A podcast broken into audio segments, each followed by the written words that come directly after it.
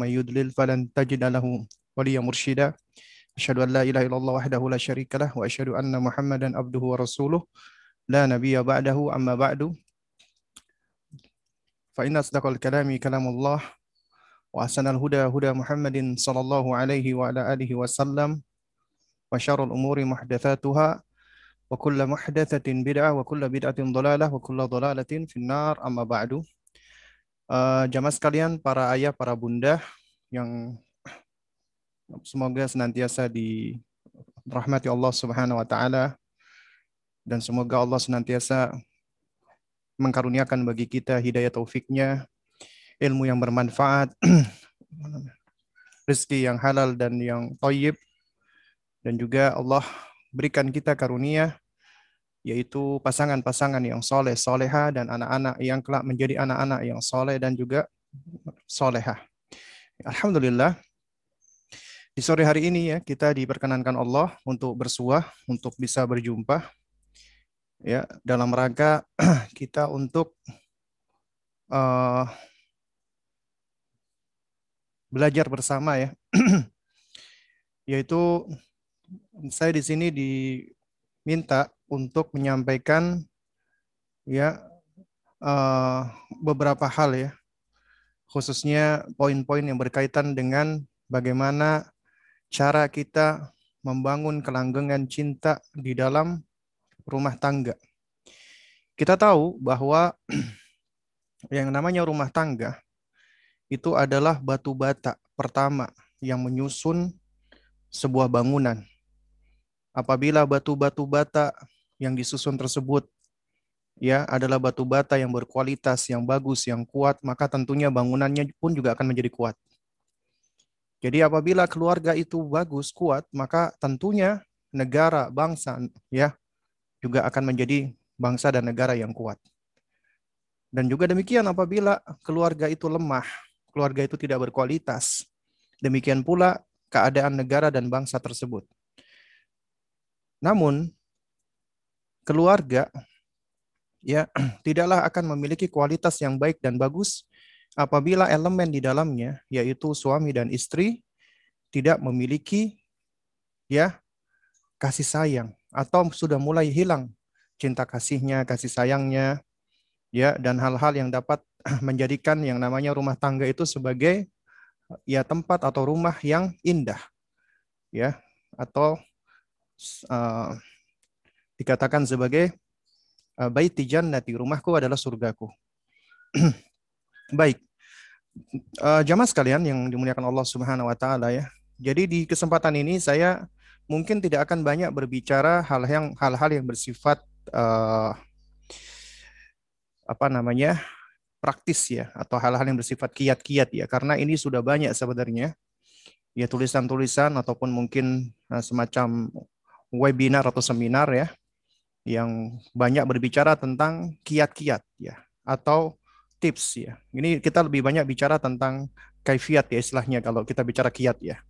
Kita bicara tentang how to-nya. Dan di antara buku yang bagus yang membahas tentang hal ini adalah buku yang ditulis oleh ya Syekh apa namanya? Abu Hamid ya. Abu Hamid Rabi ya di dalam buku Al-Baitul Muslim Al-Qudwah. Saya kurang tahu apa udah diterjemahkan ke bahasa Indonesia ya, tapi buku ini di dalam naskah aslinya bahasa Arab itu ada 200 halaman lebih. Ya memang cukup panjang. Nah, tapi buku ini bagus ya. Lengkap, komprehensif dan gayanya menarik ya. Nah, jadi sebagian poin-poin ini sebenarnya saya ambil khususnya berkaitan dengan ya pondasi-pondasinya. Jadi di slide ini saya hanya akan menyampaikan uh, poin-poin utamanya ya atau yang yang menjadi dasar ataupun landasannya. Kaidah nanti saya akan jelaskan ya uh, secara ringkas. Baik. Jamaah sekalian muliakan Allah Subhanahu wa taala. Ya. Ketika kita berbicara tentang masalah membangun kelanggengan, berarti ada nih yang perlu dibangun di dalam uh, sebuah rumah tangga, ada ikatan rumah tangga. Ya. Dan yang dibangun di sini adalah kelanggengan cinta. Kenapa? Karena ya dengan langgengnya cinta itulah yang akan semakin mengeratkan dan memperkuat kualitas rumah tangga tersebut ya. Baik. Jemaah sekalian mulakan Allah Subhanahu wa taala.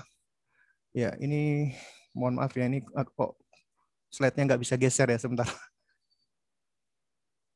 Sebentar. Saya kesulitan ini untuk menggeser slide. Karena ini uh, baru pertama ah, ini sudah bisa. Ya. Oh, jadi dia delay, mohon maaf ya. Baik. Nih, nah ini sudah bisa.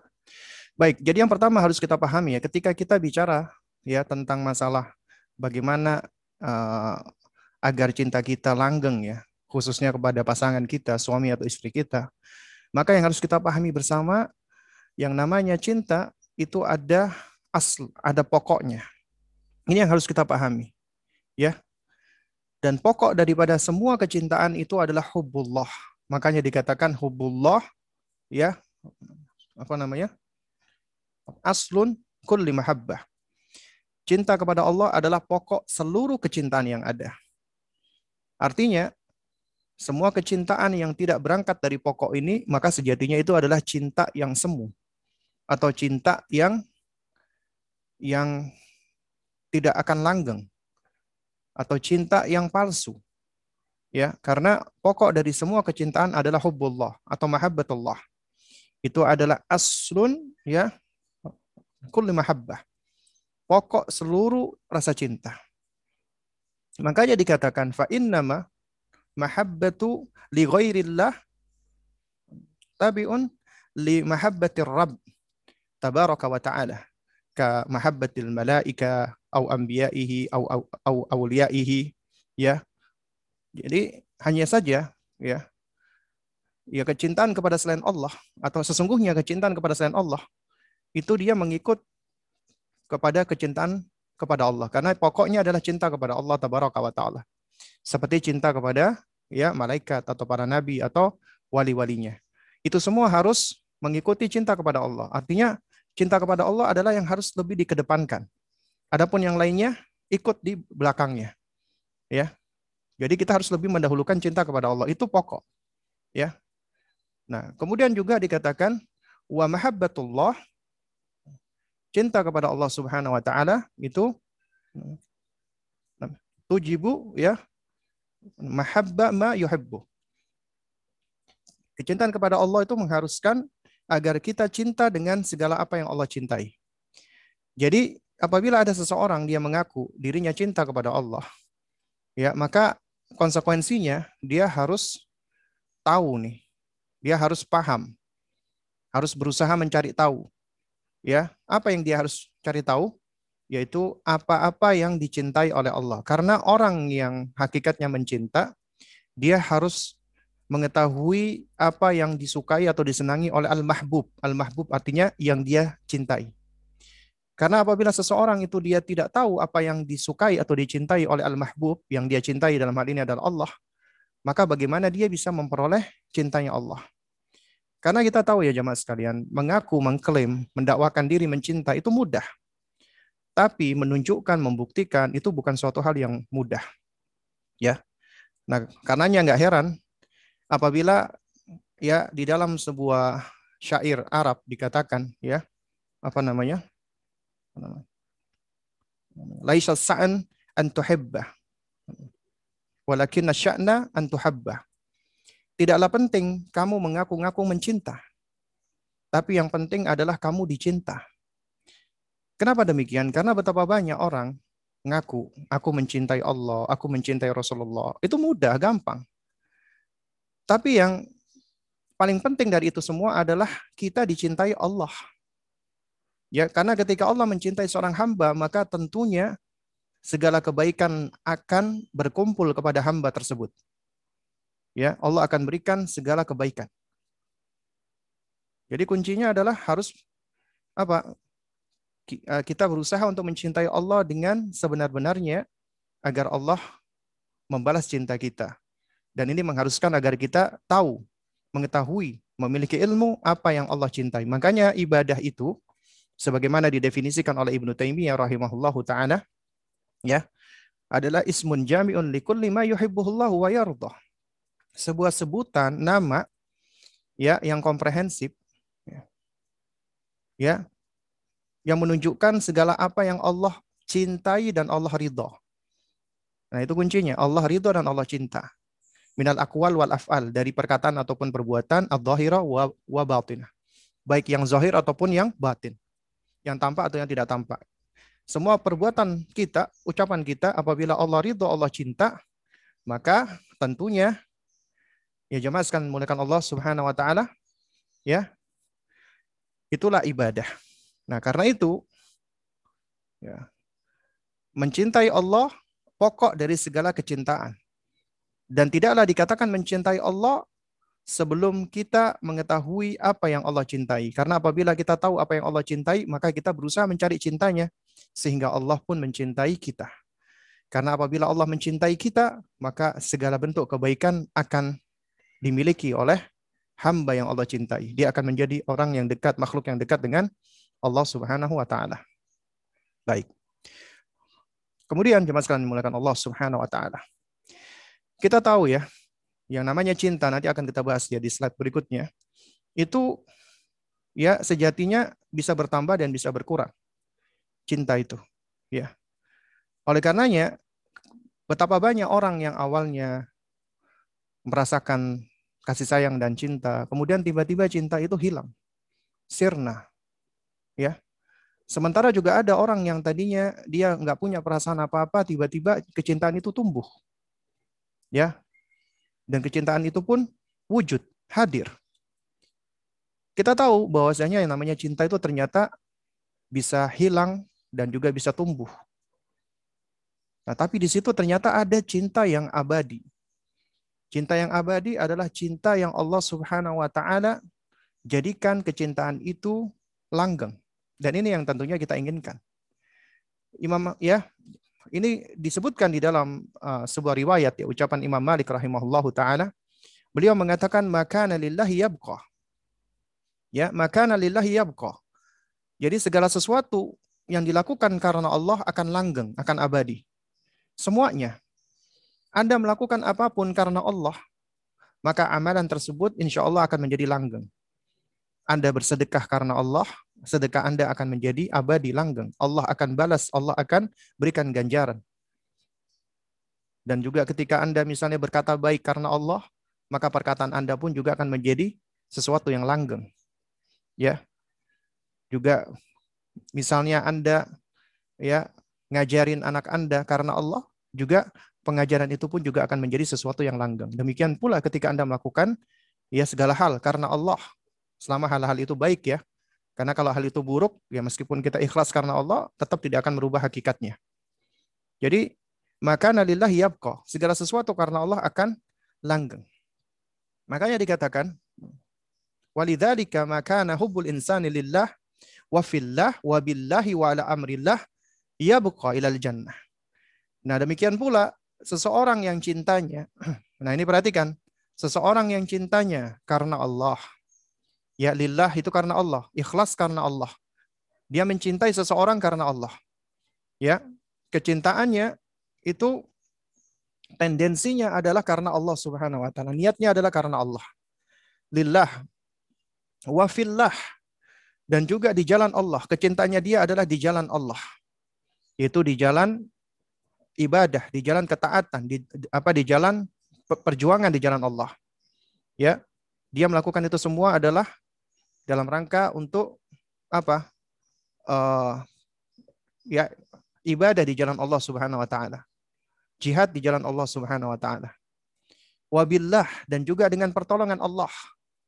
Ya, karena tentunya segala sesuatu itu harus dengan pertolongan Allah. Kita makhluk yang lemah, kita nggak punya apa-apa. Kita nggak mampu melakukan segala hal kecuali dengan pertolongan Allah Subhanahu wa taala.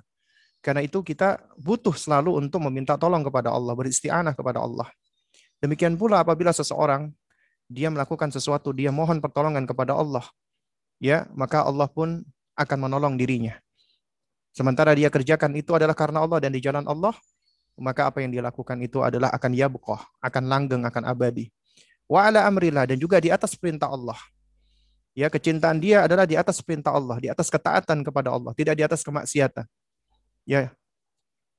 Maka apabila seseorang mencintai karena keempat hal ini lillahi wa fillahi wa billahi wa ala amrillah ya karena Allah di jalan Allah dengan pertolongan Allah dan di atas perintah Allah ya akan langgeng abadi ilal jannah sampai ke surga ya.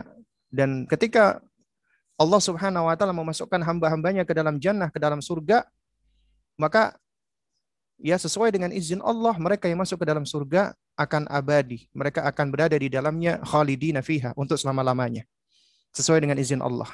Tapi keabadian manusia itu tentunya muqayyad. Apa muqayyad itu artinya terbatas ya.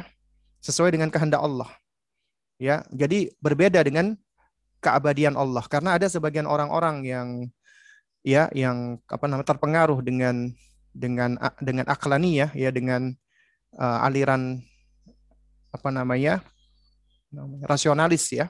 Lebih mendahulukan akal itu mengatakan kalau surga itu abadi penghuni surga itu abadi, nah berarti sama dong dengan Tuhan seperti itu kan. Karena Tuhan abadi. Padahal ini konsep yang keliru. Surga itu ciptaan Allah, Allah yang menciptakan. Makhluk juga ciptaan Allah, Allah yang menciptakan. Ya.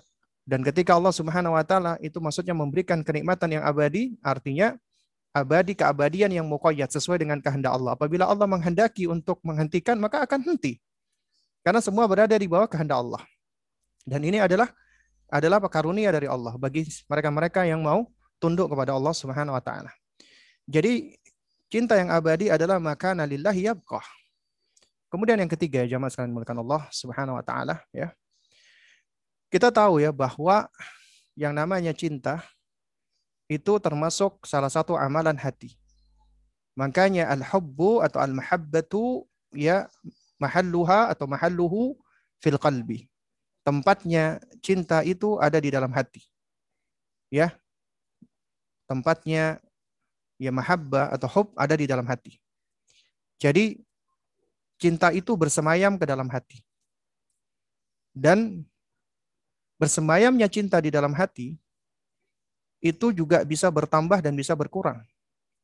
Dan bahkan bisa terusir kecintaan tersebut oleh kebencian, oleh kejengkelan, oleh kedongkolan, oleh kemarahan atau yang selainnya. Artinya ya uh, amalan-amalan hati ini yang berkumpul di dalam hati itu sejatinya akan selalu dinamis. Ya, oleh karena itu makanya seorang hamba yang tahu cinta itu adalah amalan hatinya yang tentunya namanya amal hati itu akan terefleksikan di dalam amal perbuatan. Nah, sehingga dia berusaha untuk menyiapkan hatinya, membersihkan hatinya. Makanya pendidikan anak-anak di usia dini adalah kita mendidik hati mereka, mempersiapkan hati mereka dan kita mengisi hati mereka dengan cinta kasih agar hati mereka terisi. Ya, terisi sehingga ya mengakar kuat di dalam hati mereka. Artinya ketika ya cinta itu pun seandainya terkena ujian, tetap akarnya masih ada tetap dia masih bercokol di situ. Dan apabila disirami kembali dan disuburkan, dia akan kembali tumbuh. Nah, jadi hati adalah tempat cinta kita. Dan ini adalah pijakan kita sebelum langkah. Kita harus memahami ini tentang hati, kolbu. Ya, Karena pertama kali yang harus kita perhatikan dan kita didik adalah hati kita, termasuk anak-anak kita. Makanya fase tufula di bawah tujuh tahun, pendidikan anak-anak kita itu adalah fase pendidikan hati, pembangunan pondasi. Makanya hati, kalbu, amal-amalnya itu tidak tampak. Ya, itu tidak kelihatan langsung secara zohir, tapi dia bisa terefleksikan di dalam amal perbuatan dan di dalam perkataan. Ya. Nah, demikian pula ketika Anda mendidik hati. Anda Anda membangun pondasi. Pondasi itu biasanya tidak akan tampak, tidak kelihatan. Yang kelihatan itu adalah ketika sudah tegak bangunannya, tapi kita nggak tahu nih pondasinya. Nah, demikian pula ketika kita mendidik hati. Ketika Anda mendidik hati, baik hati kita sendiri ataupun hati keluarga kita, maka berarti kita sedang sedang membangun pondasi yang kuat nih. Karena ini tempat bercokolnya ya mahabbah, termasuk bercokolnya keimanan. Ya. Nah, kolbu atau hati ya, apa namanya? Kenapa kita harus tahu, harus harus mempelajari? Karena ya ini sebagaimana dikatakan oleh para ulama kita yang mereka istimbatkan dari hadis-hadis Nabi Wasallam Dan ini disebutkan oleh Al-Hafidh uh, Ibnu Qayyim rahimahullah taala bahwa yang namanya hati itu adalah raja. Adapun jasmani kita, fisik kita, anggota tubuh kita itu sejatinya adalah prajurit. Apabila hati itu baik, maka akan baik pula seluruh anggota tubuhnya. Demikian pula sebaliknya, karena anggota tubuh ini akan mengikuti instruksi rajanya, yaitu hati. Hati tempat bersemayamnya iman, tempat bersemayamnya ilmu, tempat bersemayamnya ketakwaan, ya, dan juga tempat bersemayamnya segala ya amalan-amalan hati, baik itu yang baik ataupun yang buruk. Demikian pula hati itu bisa dimasuki di dalamnya kekufuran, kemunafikan, ya. Kemudian juga kejahilan, ya. Kemudian juga apa kelalaian atau goflah, itu bisa. Nah, oleh karena itu kalau kita ibaratkan hati itu seperti sebuah wadah, ya tinggal kita mau isi nih. Kita mau isi apa? Kita, kita mau isi ilmu ataukah kita biarkan sehingga hati itu akan menjadi hati yang kering, yang kosong, ya tidak memiliki isi. Nah tentunya hatinya orang beriman harus diisi dengan ilmu. Ya, jadi dengan diisi dengan ilmu ini akan akan apa? Akan akan uh, menyuburkan fitrahnya, ya fitrah keimanannya dia sehingga menjadi tumbuh. Kalau ibaratnya pohon, pohon itu bertumbuh ya dengan ranting, dengan dahan, dengan dedaunannya. Dan ternyata yang menggenggam hati hamba itu adalah Allah. Allah yang membolak-balikkan sesuai dengan kehendaknya. Makanya kita dianjurkan untuk berdoa ya muqallibal qulub sabbit qalbi ala dinik. Wahai yang membolak-balikkan hati, ya maka sabit kokohkanlah hati kami di atas agamamu. Lalu kemudian juga ya karena hati kita ini adalah tempat bersemayamnya berbagai macam hal ini. Nah ini juga di antara bentuk sikap hikmah. Kita harus tahu nih, limadha, kenapa kita perlu untuk mempersiapkan hati? Ini adalah di antara alasannya. Kita tahu hati adalah raja. Ya, apabila hati itu baik maka akan baik semua anggota tubuhnya dan seterusnya. Kemudian ya kita mendidik hati ini untuk siapa? Konteksnya di dalam bahasan kita saat ini adalah untuk pasangan kita, suami kita atau istri kita. Agar kita bisa menjadikan cinta kecintaan kita kepada pasangan kita itu senantiasa bercokol bersemayam di dalam hati kita. Seandainya pun apa terkena badai atau terkena goncangan ya, itu mungkin akan akan apa tersingkir sedikit. Tapi akarnya, asalnya, pokoknya rasa cinta itu akan tetap ada karena dia sudah bercokol ya eh, berakar bahkan mungkin dikatakan sudah mendarah daging di dalam hati tersebut. Sehingga meskipun kita di uh, dera dengan berbagai macam badai, apa namanya prahara, mahaligai rumah tangga, ya itu insya Allah kecintaan itu akan tetap ada pokoknya asalnya dan itu akan bisa bertumbuh kembali. Tapi apabila kita tidak pernah mempersiapkan hati, kita nggak pernah uh, mendidik ya hati kita, terutama kita bangun ya, kita tumbuhkan di dalam hati kita kecintaan. Yang pertama asalnya tadi kita bahas di awal adalah karena Allah. Ya, kecintaan kepada Allah. Lillahi wa fillahi wa billahi wa ala amrillah. Maka itu yang akan menjadi akar atau pokok. Ya, sehingga dengannya kita harapkan kecintaan kita kepada suami atau istri kita akan tetap langgeng, langgeng ya. Ya ini uh, mohon maaf ya apabila agak sedikit uh, apa bising ya dikarenakan setiap sore di sini itu di apa di di komplek perumahan saya selalu ada uh, kayak ondel-ondel lewat ya dan suka berhenti di di apa di depan rumah ya. Ya. Taib.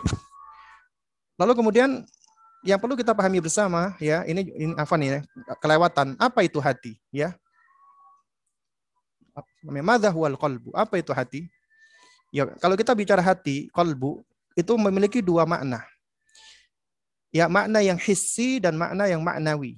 Hissi itu artinya makna yang nyata bisa diindra yang apa tangible ya. Adapun yang maknawi adalah makna yang tidak bisa diindra yang dikatakan latifa bersifat halus. Ya, kalau kita katakan hati, kolbu itu adalah organ tubuh yang berupa daging yang ter, yang terletak di dalam apa rongga dada sebelah kiri. Nah, ini merupakan mambaur ruh kata Ibnu Qayyim, pusatnya ruh. Artinya kalau ini berhenti, maka akan mati, meninggal. Nah, ini cuman aneh bahasa kita bahasa Indonesia. Kalau kolbu itu sebenarnya artinya jantung. Demikian pula di dalam bahasa Inggris, itu kolbu itu artinya adalah apa heart ya. Ah. Heart itu artinya jantung. Tapi sering kali kita menyebutkan hati. Oh, my heart. Ya, oh, hatiku. Ya, jadi seperti itu. Padahal maksudnya jantung. Nah, jadi di sini ketika dikatakan hati atau kolbu, ya itu artinya adalah salah satu organ yang hissi yang nyata ada di dalam tubuh kita, yaitu jantung maksudnya. Nah, tapi juga bisa bersifat maknawi. Maknawi artinya ini sesuatu yang latifah, yang halus, yang nggak bisa kita indra, tapi ada. Sementara hakikatnya hanya Allah yang tahu. Seperti akal kita. Kita tahu kita punya akal. Tapi sampai sekarang manusia nggak pernah tahu ini hakikat daripada akal. Nggak ada yang tahu. Ya, tidak ada yang tahu hakikat daripada akal, ya. Itu apakah uh, akal itu berada di otak atau berada di hati, ya. Kemudian bagaimana uh, bentuknya dan yang semisalnya ya. Nah, jadi ya jemaah sekali mulakan Allah Subhanahu wa taala. Jadi nggak ada yang tahu sebenarnya, ya. Nah, toib. Jadi ada yang hissi, ada yang tangible, ada yang maknawi, ada yang apa namanya? intangible ya. Nah, yang intangible inilah yang maknawi inilah ya hati dengan makna ketika kita berbicara tentang bersemayamnya iman atau kekufuran, bersemayamnya takwa atau kemaksiatan, bersemayamnya cinta atau kebencian dan seterusnya. Atau amalan-amalan hati yang lainnya.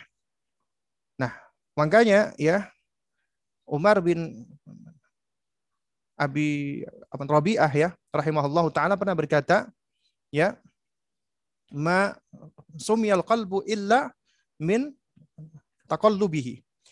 Ya, hati tidaklah dinamakan kolbu kecuali karena sifatnya yang takallub, yang berbolak-balik. Karena itulah dia disebut dengan hati, ya. Karena hati itu suka berbolak-balik.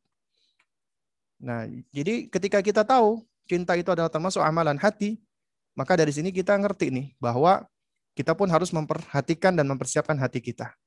Karena di hati inilah secara makna ya dari pengertian maknawi ya yang yang non hissi, yang intangible, itulah tempatnya apa? Tempatnya apa namanya? Uh, keimanan atau bahkan kekufuran dan juga termasuk tempatnya mahabbah. Baik, jamaah sekalian mulakan Allah Subhanahu wa taala. Ya. Uh, di sini ada salah seorang ucapan salah satu ulama salaf yang mengatakan man aslaha sariratahu aslahallahu ala niyatahu. Ya, man aslaha, siapa yang mengislah, memperbaiki, mensolehkan. Sariratahu, ya. Sariroh itu artinya perkara yang sirri, yang tidak tampak, yang tidak kelihatan. Kalau dikatakan sirria itu artinya sembunyi-sembunyi yang tidak kelihatan. Artinya perkara-perkara batin. Dalam hal ini yang dimaksud adalah hati. Siapa yang memperbaiki apa yang tidak tampak yaitu batin dan hatinya, ya maka apa? Aslahallahu ala niyatahu. Allah akan mengislah, akan memperbaiki ala niyatahu. Ya, ala niyah itu yang tampak, yang kelihatan zahirnya. Jadi perbuatan-perbuatan dan perkataan-perkataan kita. Artinya perbuatan dan perkataan kita itu sejatinya berangkat dari batin, dari kolbu, dari hati. Ya, meskipun ya kita kita manusia nggak bisa nih ya, uh, maksudnya dalam artian langsung menghukumi orang yang perbuatannya baik otomatis hatinya baik secara pasti kita nggak bisa. Kenapa? Karena bisa jadi apa yang ditampakkan itu berbeda dengan hatinya dan inilah sifat munafik, nifak.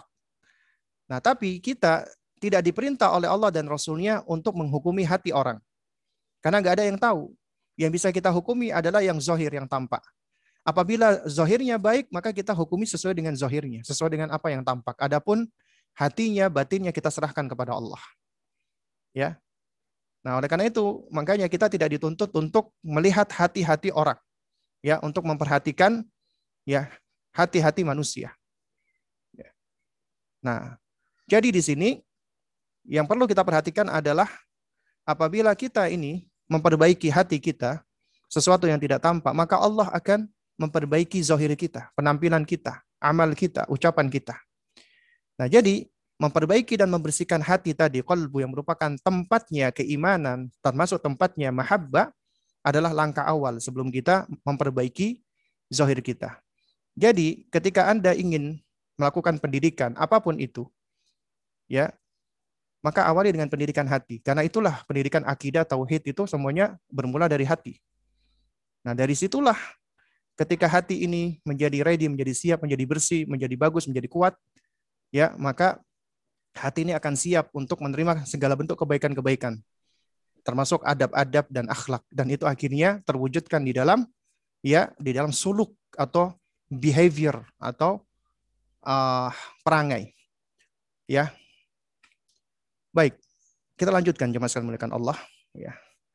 Kemudian juga yang perlu kita perhatikan bersama ketika kita bicara tentang kelanggengan cinta. Kita harus paham ini bahwasanya al-hubbu rizqun wa ni'matun min Allah. Yang namanya cinta itu adalah rizki, anugerah, wa ni'mah, karunia, nikmat dari Allah Subhanahu wa taala.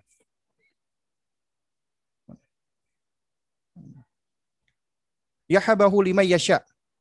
Yang Allah hibahkan, Allah hadiahkan, Allah karuniakan kepada siapa saja yang Allah kehendaki. Jadi kalau kita perhatikan, cinta itu ternyata rizki dan karunia dari Allah, nikmat dari Allah. Allah berikan kepada siapa saja yang Allah kehendaki sesuai dengan kehendak Allah. Nah, oleh karena itu, ketika Allah Subhanahu wa taala telah memberikan kepada diri kita cinta, cintanya kita, mahabbah di dalam diri manusia itu ada yang bersifat tobi'i. Tabiat, bawaan yang sudah Allah berikan kepada setiap makhluk. Bukan hanya manusia, hewan pun juga Allah berikan cinta ini. Itu namanya cinta tobi'i secara asal, tabiat. Ya, seperti seorang ibu mencintai anaknya, ya, atau seorang suami mencintai istrinya itu tobi'i. Meskipun cinta yang tobi ini yang secara asal itu ada di dalam diri manusia itu juga bisa hilang apa namanya terkikis gitu loh. Ini cinta tobi'i. Nah karena itu apabila anda mencintai seseorang ini karunia. Apalagi cinta itu berangkatnya adalah berasal dari ilmu, berangkat dari ilmu, dari ma'rifah, pengetahuan. Maka ini adalah rezeki yang besar. Karena itu berangkat dari pengetahuan kita ya yang akhirnya membentuk mahabbatullah, cinta kepada Allah. Akhirnya dari cinta kepada Allah itulah ya Allah mengkaruniakan kepada kita cinta kepada selainnya. Dan cinta kepada selain Allah inilah ya mengikut kepada cinta Allah. Artinya cinta Allah yang yang yang harus dikedepankan. Ya, yang lainnya itu adalah berada di belakangnya atau berada di di bawahnya. Karena ini adalah rizki dan nikmat, maka harus dijaga, dipelihara dan disyukuri. Ya, dan di antara cara mensyukurinya adalah cinta ini harus kita pelihara, kita suburkan, kita sirami, ya, kita jaga dengan apa? Dengan ilmu. Karena yang namanya mahabbah, apalagi mahabbah itu mahabbatullah, itu akan semakin subur apabila disirami dengan ilmu, ilmu yang berasal dari Al-Quran dan Sunnah. Ya, itulah yang akan semakin menyuburkan mahabbah kita. Terutama mahabbatullah.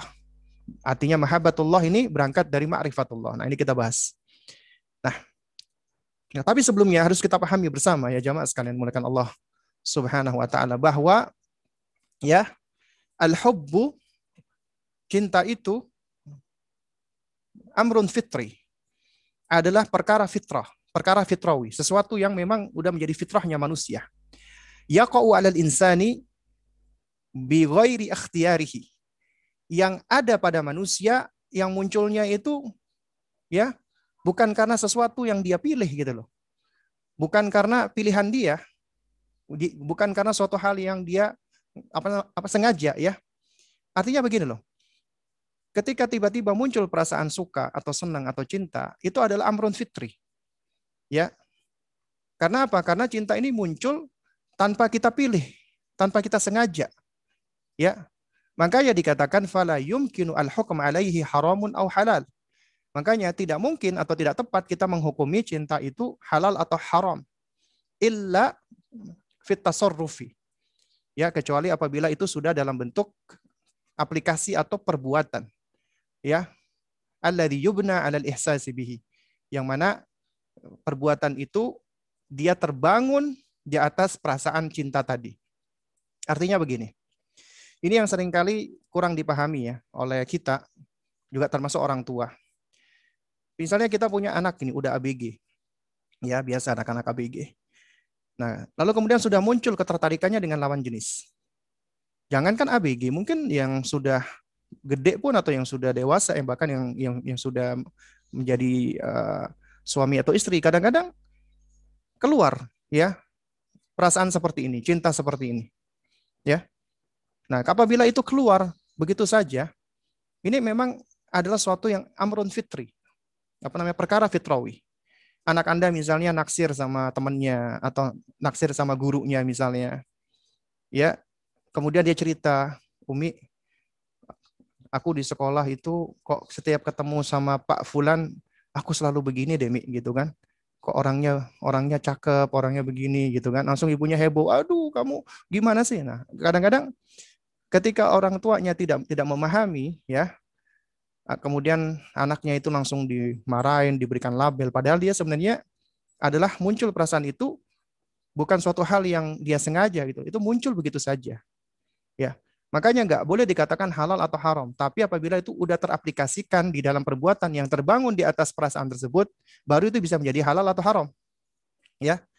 Artinya kalau misalnya orang itu menyukai ya, menyukai seseorang, dia mencintai seseorang, kemudian dia lakukan dengan cara pacaran, berarti haram.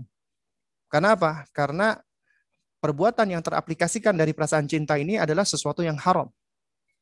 Tapi kalau dia misalnya menyukai atau mencintai seseorang, lalu kemudian dia pun akhirnya menikah dengannya, maka ini tidak haram, ini halal.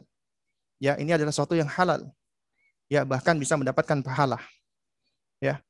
Nah, kemudian kalau misalnya dia mencintai seseorang yang yang sejatinya dia tidak tidak bisa ya mendapatkannya contoh misalnya ya uh, ketika dia menyukai apa suami orang misalnya yang sudah beristri empat misalnya. Atau misalnya ya seorang laki-laki yang menyukai istrinya orang lain. Ini ujian memang. Karena memang cinta itu, mahabbah itu bisa jadi ujian, ujian besar. Yang tentunya ini adalah suatu hal yang tidak boleh di, diwujudkan. Karena itu ketika muncul perasaan cintanya seperti ini, dia harus berusaha untuk menenggelamkan, menghilangkan. Kenapa? Karena syaitan bisa masuk. Tapi Ustadz, susah Ustadz, saya udah kadung. Iya, ya mungkin tampak atau kelihatan susah. Tapi kita tahu konsepnya namanya cinta itu bisa hilang. Bisa bisa kita minimalisir gitu loh. Bahkan ya sering kali orang-orang itu menyukai ya itu hanya karena mungkin pandangan pertama atau first impression, tapi ketika sudah kenal, udah tahu bagaimana keburukan-keburukan atau kejelekan-kejelekannya hilang itu semua cinta itu tadi. Apalagi cinta yang tidak dibangun karena Allah. Itu tidak akan menjadi cinta yang langgeng. Ya, Nah, tapi kita sering kali manusia itu diuji dengan cinta-cinta seperti ini. Ya, apalagi anak-anak muda. Ya. Bahkan ada pula cinta yang bisa menjadi kesyirikan. Ya, dia dia wujudkan dengan perkataan-perkataan yang mengandung kesyirikan. Ya. Karena meskipun itu udah udah menjadi istrinya, istriku. Ya, sesungguhnya aku ada adalah karenamu. Ya. Aku hadir adalah untukmu. Aku hidup adalah karenamu. Itu adalah ucapan kesyirikan ini. Ini semua adalah kesyirikan. Syirkul mahabbah. Karena tidak boleh ada yang lebih kita kedepankan ya daripada kecintaan kita ini kecuali hanya kepada Allah Subhanahu wa taala yang wajib kita dahulukan, wajib kita apa kedepankan. Ya, jadi nggak nggak boleh kita mencintai seseorang sama seperti kita mencintai Allah atau bahkan sampai melebihi daripada kecintaan kepada Allah. Itu menjadi syirkul mahabbah. Ya, taib. Ya. Ini agak sedikit lemot ya. Mohon maaf ini. Nah, ini sudah gerak ini. Loh, kok balik lagi? Ya. Lalu kemudian jamaah sekalian menggunakan Allah Subhanahu wa taala. Ya, loh. Kok kelewatan. Nah, ini juga konsep yang perlu kita ketahui bersama ya. Karena ini adalah pondasi ketika kita ingin membangun langgengnya cinta, yaitu apa? Man, man kana billahi a'raf kana bihi apa namanya? ahab. Eh. Siapa yang lebih mengenal Allah, maka akan lebih mencintai Allah. Artinya seseorang yang semakin mengenal Allah, mempelajari Allah. Tentunya kita semakin mengenal Allah melalui dua tanda yang Allah berikan kepada kita. Ayat kauniyah ciptaannya, kita mengobservasi, mengamati, ya. Kemudian ayat qauliyah, firman-firman Allah Subhanahu wa taala Al-Qur'an, termasuk hadis Nabi. Ya. Itu dua ayat yang Allah berikan untuk kita. Nah, semakin kita ya jemaah sekalian yang mulakan Allah mengenal Allah melalui ayat-ayatnya ini, maka kita akan semakin mencintai Allah Subhanahu wa taala. Ya. Kita bisa lihat ini karakternya ulul albab, ya. Ya. Ketika Allah berfirman inna fi khalqis samawati wal ardi wa ikhtilafil laili wan nahari la ayah li ulil albab. Sesungguhnya di dalam penciptaan langit dan bumi dan dan bersilih gantinya siang dan malam itu terdapat ayat apa terdapat tanda bagi siapa ulil albab. Ulil albab artinya orang-orang yang memiliki akal sehat yang mempergunakan akalnya dengan baik dengan benar. Siapa mereka? Di, apa dikatakan oleh Allah Subhanahu wa taala alladzina yadhkurunallaha qiyamah wa qu'uda wa ala junubihim mereka adalah orang-orang yang menyebut atau mengingat Allah ketika mereka berdiri atau ketika mereka duduk atau ketika mereka berbaring. Kemudian kata Allah apa? Yatafakkaruna fi khalqis samawati wal ard. Dan mereka senantiasa bertafakkur ya di dalam penciptaan langit dan bumi, ya. Kemudian ketika dia bertafakkur, memperhatikan penciptaan langit dan bumi, dia pun mengucapkan Rabbana ma khalaqta hadha batila. Subhanaka fakina adzaban nar. Ya Maha Suci Engkau ya Allah. Apa namanya? Rabbana wahai Rabb kami ya, ma khalaqta hadza batila. Sesungguhnya Engkau tidak menciptakan semua ini dengan sia-sia. Subhanaka Maha Suci Engkau ya Allah. Ya. Fakina adzaban nar. Maka lindungilah kami dari siksa neraka. Itulah karakteristik ulil albab. Artinya ketika seseorang semakin mengenal Allah, maka nabillahi a'raf, kana bihi akhwaf, wa kana bihi ahab. Siapa yang semakin kenal Allah, dia akan semakin takut kepada Allah. Takutnya adalah takut bukan uh, takut seperti dengan apa seperti kepada hewan buas, tidak. Takut tapi takut bentuk keseganan. Karena atas al-haibah, atas kemahahebatan Allah, betapa luar biasanya Allah. Dan dia semakin mencintai Allah. Maka yang dikatakan famahabbatu bada'at bima'rifah. Cinta itu bermula dari pengenalan. Artinya tak kenal maka tak sayang. Itu adalah ucapan yang benar. Ya, kalau kita nggak kenal bagaimana kita bisa sayang? Nah, seseorang semakin berusaha mengenal penciptanya, dia akan semakin sayang. Dengan mengenal Allah, ya, hamba akan semakin mencintai Allah.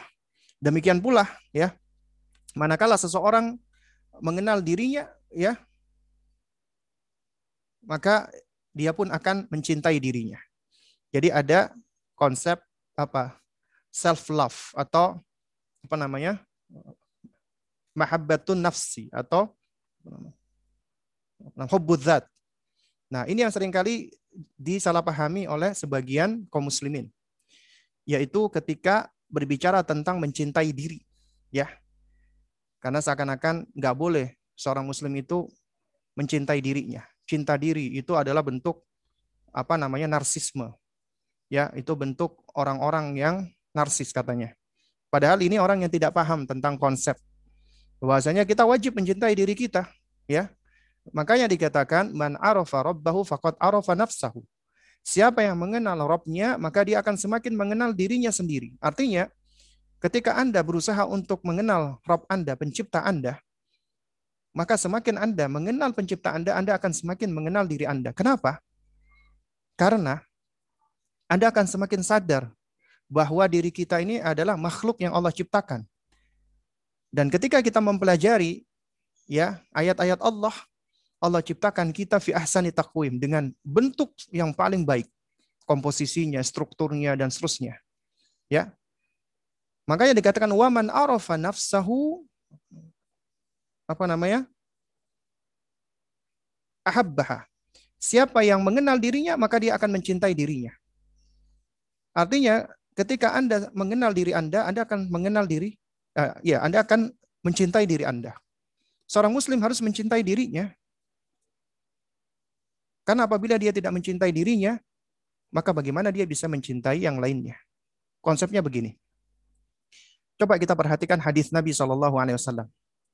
Ya, ketika Nabi bersabda, "La yu'minu ahadukum hatta yuhibba li akhihi ma yuhibbu li nafsihi." Ini perhatikan kata Nabi. Ya. Tidaklah dikatakan beriman salah seorang dari kalian sampai dia mencintai bagi saudaranya sebagaimana yang ia cintai bagi dirinya. Nah, yang dia cintai bagi dirinya. Ini menunjukkan seseorang dia harus mencintai misalnya kebaikan bagi saudaranya sebagaimana kebaikan itu untuk dirinya. Dia harus mencintai kebaikan bagi dirinya. Kenapa? Karena orang yang mencintai dirinya, maka dia akan berusaha menjaga dirinya. Akan menempatkan dirinya di tempat-tempat yang baik, tidak akan ditempatkan di tempat yang jelek. Dia tidak rela dirinya itu jatuh ke dalam keburukan-keburukan. Dia tidak rela dirinya jatuh ke dalam ya kehinaan.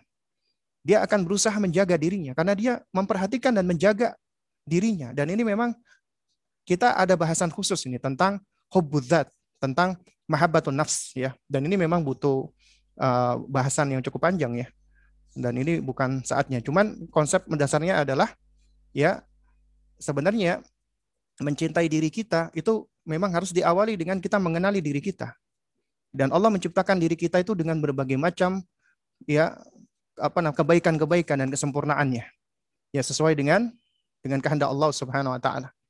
Ya, dan kita nggak akan bisa mengenal kita sebelum eh kita nggak akan bisa ya mengenal diri kita sebelum kita berusaha untuk semakin mengenal Allah Subhanahu wa taala pencipta kita. Taib. Jadi jamaah sekalian yang yang dimuliakan Allah Subhanahu wa taala. Ini makanya dikatakan ma nah apa namanya? man la yuhibbul man la yun, man la yuhibbu nafsahu ahmalaha wa ahanaha. Siapa yang tidak cinta dengan dirinya, dia akan ahmalah, akan ihmal, akan mengabaikan, menelantarkan wa ahanah. Ya. Wa ahanaha dan dia akan merendahkan dirinya, meletakkan dirinya di tempat-tempat yang rendah atau hina. Karena dia nggak cinta dengan dirinya. Akhirnya dia telantarkan dirinya. Dia hinakan dirinya. Ya. Nah, apabila seseorang dia tidak mencintai dirinya, wa kana as'ab an yuhibba goirahu. Ya. Dan siapa yang dia tidak mencintai dirinya, maka akan lebih sulit lagi baginya untuk mencintai orang lain. Bagaimana dia bisa mencintai orang lain? Ini semua ya jamaah sekalian, itu adalah selaras dengan firman Allah. Contohnya surat At-Tahrim ayat 6. Kita perhatikan, ya ayyuhalladzina aman, wahai orang-orang yang beriman. Ku anfusakum wa ahlikum nar. Jagalah diri kalian dan keluarga kalian dari siksa neraka. Khitab Allah, seruan Allah pertama kali untuk siapa? Untuk kita. Jagalah diri kalian, artinya kita harus memelihara diri kita. Bentuk pemeliharaan terhadap diri kita adalah kita harus mengetahui nih, diri kita adalah sesuatu yang berharga, yang harus kita hargai, harus kita cintai. Karena apabila kita nggak bisa menghargai dan mencintai diri kita, bagaimana kita bisa menghargai dan mencintai yang lainnya. Nah, oleh karena itu makanya kita harus mengenal diri kita dan mencintai diri kita karena konsekuensinya kita akan menjaga dan memelihara diri kita. Ya, sebagaimana nanti kita juga akan menjaga dan memelihara yang lain keluarga kita. Ya. Nah, oleh karena itu jamaah sekalian memuliakan Allah, ya. Ya, apabila seseorang itu ingin agar hubungan dia dengan orang lain termasuk pasangannya itu baik, maka bangun dulu hubungan dia, koneksi dia, korelasi dia, attachment dia dengan penciptanya Allah Subhanahu wa taala. Ya sebagaimana yang dinasihatkan oleh salah seorang ulama salaf, "Wa man aslaha ma bainahu wa bainallah aslahallahu ma bainahu wa bainan nas." Siapa yang memperbaiki koneksinya dengan Allah, maka Allah akan perbaiki koneksi dia dengan manusia yang lainnya. Artinya, semakin seseorang itu bertakorup mendekat kepada Allah, banyak beribadah kepada Allah, banyak bermunajat kepada Allah, biasanya dia akan menjadi orang yang paling baik hubungannya dengan manusia. Ketika seseorang hubungan vertikalnya itu bagus, maka hubungan horizontalnya pun akan mengikut dengan hubungan vertikalnya tadi. Dia akan menjadi orang yang lemah lembut, orang yang tenang, orang yang kasih sayang, orang yang rahmah, orang yang ramah, dan seterusnya. Dan ini sifat-sifat karakter yang dicintai oleh umumnya manusia. Sehingga manusia ketika mereka menyenangi sifat-sifat karakter seperti ini, maka ketika orang ini dia menyampaikan nasihat atau menyampaikan sesuatu termasuk pendidikan akan lebih mudah diterima. Sehingga hubungan dia dengan yang lainnya akan semakin mudah. Itu semua adalah karunia dari Allah. Kuncinya adalah aslaha ma bainaka wa bainallah. Ya. Ya, uh, apa namanya? Ya, adalah aslaha ma bainahu wa bainallah. Jadi perbaiki hubungan Anda dengan hubungan Allah Subhanahu wa taala. Kemudian selanjutnya ya, yang perlu kita pahami bersama adalah al-hubbu kamithlil iman. Cinta itu layaknya iman.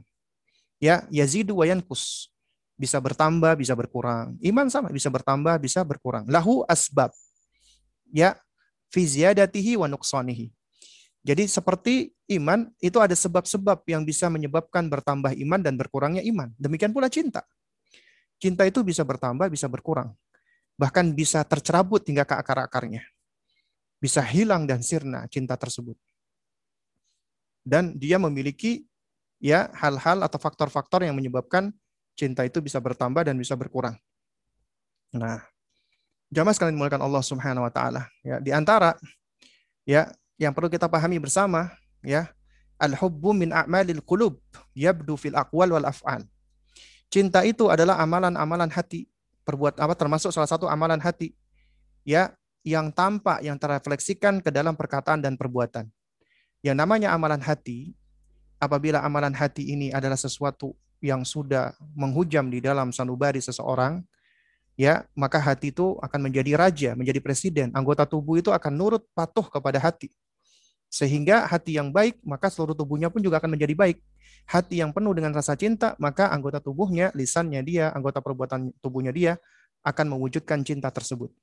Akan tampak di dalam perkataan dan perbuatan akan menjadi suatu ekspresi cinta, akan menjadi bahasa cinta. Nah, ekspresi cinta dan bahasa cinta inilah yang menjadi sebab-sebab bertambahnya keimanan. Eh, mohon maaf, bertambahnya mahabbah, kecintaan. Ya. Jadi ada sebab-sebab yang menyebabkan cinta itu semakin bertambah. Ada pula yang menjadi semakin berkurang. Nah, di antara ekspresi cinta adalah dengan mengungkapkannya.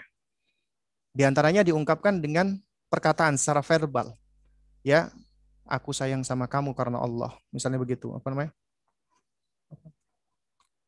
Uhibbuka fillah, aku mencintaimu karena Allah. Atau seorang suami mengatakan kepada istrinya, kamu adalah karunia Allah yang paling berharga untukku. Itu boleh.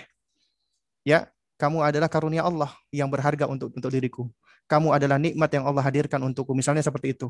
Ya, kehadiranmu adalah uh, sesuatu yang melengkapi diriku. Ini boleh. Tapi ucapan ya kalau aku hadir hanya untukmu ya dan kehadiranmu hanyalah untukku. Kata hanya ini berarti bentuk pembatasan. Berarti wujudnya kita adalah untuk makhluk. Ini enggak boleh.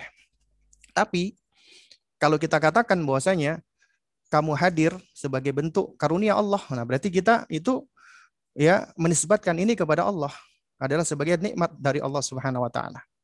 Juga sama misalnya ucapan ya, ucapan kita ke pasangan kita misalnya ya. Misalnya si istri ini lagi kesel nih, lagi capek sama suaminya. Oh kamu ini mas, mas bawaannya bikin aku kesel aja gitu kan. Kemudian suami yang baik dia berusaha untuk untuk apa? Untuk mengambil hatinya. Ya, dia katakan kepada istrinya ya untuk bersabar. Terus bilang ya memang ya uh, apa namanya? Aku ini adalah ujian buat kamu. Ya, kamu pun juga ujian buat aku. Hmm, kok bisa ngomong gitu sih, Mas? Jadi seakan-akan aku ini ujian gitu. Iya. Ya, kamu itu adalah ujian buat aku dan aku adalah ujian buat kamu. Nah, kamu ingat nggak, Dik? Kata Rasulullah Sallallahu Alaihi Wasallam, ya. Kata Rasulullah, Inna Allah idha ahabba qauman ibtalahum. Sesungguhnya Allah apabila Allah mencintai suatu kaum, Allah akan mengujinya. Berarti ketika kamu menjadi ujian bagi aku, ya, itu berarti pertanda Allah mencintai kita insya Allah. Dan apabila Allah mencintai kita, maka ya ini sebagai bentuk wujud bahwasanya kita itu ya sebenarnya juga uh, adalah untuk saling mencinta dan seterusnya. Jadi ini adalah ekspresi-ekspresi yang diperbolehkan. Ya. Jadi ekspresi cinta itu juga bentuknya macam-macam ya, bisa dalam bentuk bahasa cinta dan itu pun juga sifatnya global. Ya bisa dengan pandangan mata, karena dengan pandangan mata aja udah udah udah berjuta makna dan berjuta arti. Kadang-kadang kita bisa ngelihat nih, pasangan kita itu lagi marah, lagi jengkel itu cuma sekedar ngelihat matanya.